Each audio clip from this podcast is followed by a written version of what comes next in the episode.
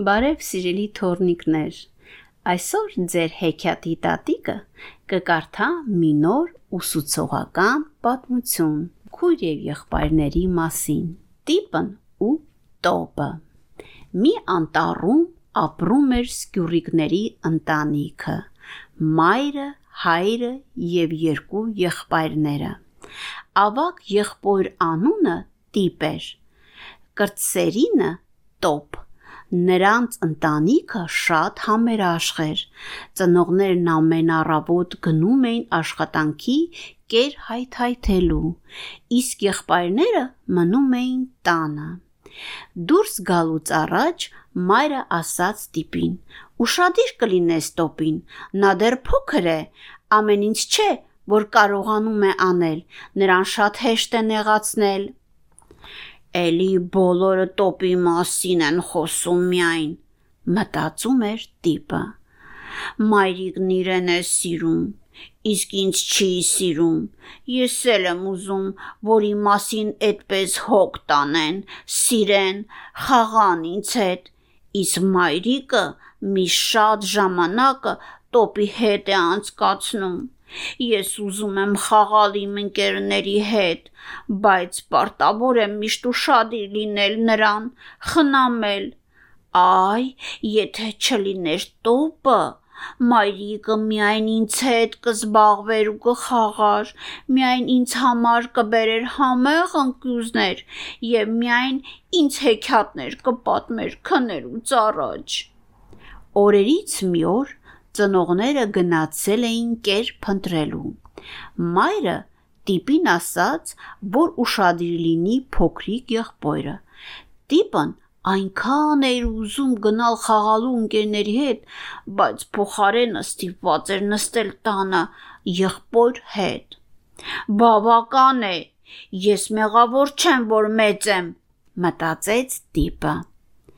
Եվ նա որոշեց ազատվել իր կրտսեր եղբորից։ Նա առաջարկեց նրան գնալ զբոսնելու։ Նրանք երկար քայլեցին, ամեն քայլով ավելի ու ավելի խորանալով անտառի խորքերը։ Ես այստեղից կգտնեմ տան ճանապարհը, իսկ այդ տոպը չի գտնի։ Դա նշանակում է, որ մենք նորից կապրենք երջանիկ։ Ես, հայրիկը ու մայրիկը, մտածեց տիպը։ Հենց տոպը պատտվեց, տիպը թողեց եղբորը եւ վազեց դեպի տուն։ Հանկարծ նա իր գլխավերևում ձայն լսեց, որը շատ ծանոթ էր իրեն։ Տիպը բարձրացրեց գլուխը եւ տեսավ տոպին, ինչ որ մեծ ու վախենալու թրջունի կտուցում, որը նրան ավելի ու ավելի հեռու էր տանում, իսկ տոպն այնքան փոքր էր ու այնքան անպաշտպան։ Տիպը այդ պահին կարծես ուշքի եկավ։ Նա մտածեց, որ մայրիկն իրավացի էր։ Տոպն այնքան փոքր էր, որ չէր կարող պաշտպանել իրեն։ Բացի իրենից ոչ ոք հիմա չէր կարող փրկել իր եղբորը։ Նա արագ վազեց նրանց հետևից, չնայած որ ճյուղերը ճանկռոտում էին նրան, նա հասկանում էր, որ պիտի փրկի իր եղբորը, Հանկարծ նա նորից լսեց տոպի ձայնը եւ նորից տեսավ այդ թրջունին, որն իջել էր հանգստանալու։ Տիպը անմիջապես հետևեց դեպի նա,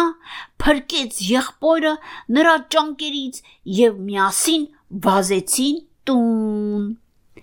Տուն հասնելով տիպը կերակրեց եղբորը եւ սկսեց խաղալ նրա հետ։ Ծնողները վերադառնալով տեսան իրենց բալիկներին ուրախ եւ երջանիկ։ Շնորհակալ եմ իմ տղաս, որ հոգս ես տարել եղբորդ մասին, ասաց մայրը։ Եվ այստեղ տիպը չդիմացավ եւ մայրիկին պատմեց ողջ պատմությունը։ Մայրն ասաց. Ես շատ ուրախ եմ,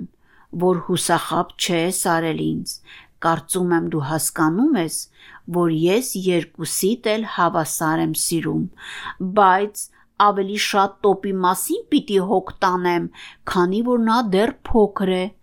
Նույն ձևով ես հոգ էի տանում քո մասին։ Երբ փոքր էիր, իսկ հիմա դու մեծ ես եւ ինքդ էլ կարող ես պաշտպանվել եւ պաշտպանել քեզ եւ եղբորդ։ Ես քեզ շատ եմ սիրում եւ ուզում եմ տոն կազմակերպել քեզ համար։ Կկանչենք քո բոլոր ընկերներին եւ բոլորին կհյուրասիրենք համեղ ընթրիկով։ Իսկ հետո կպարենք, ուրախ խաղեր կխաղանք։ Տիպն իրեն շատ երջանիկ էր զգում այդ երեկո։ Հավաքվել էին նրա բոլոր ընկերները,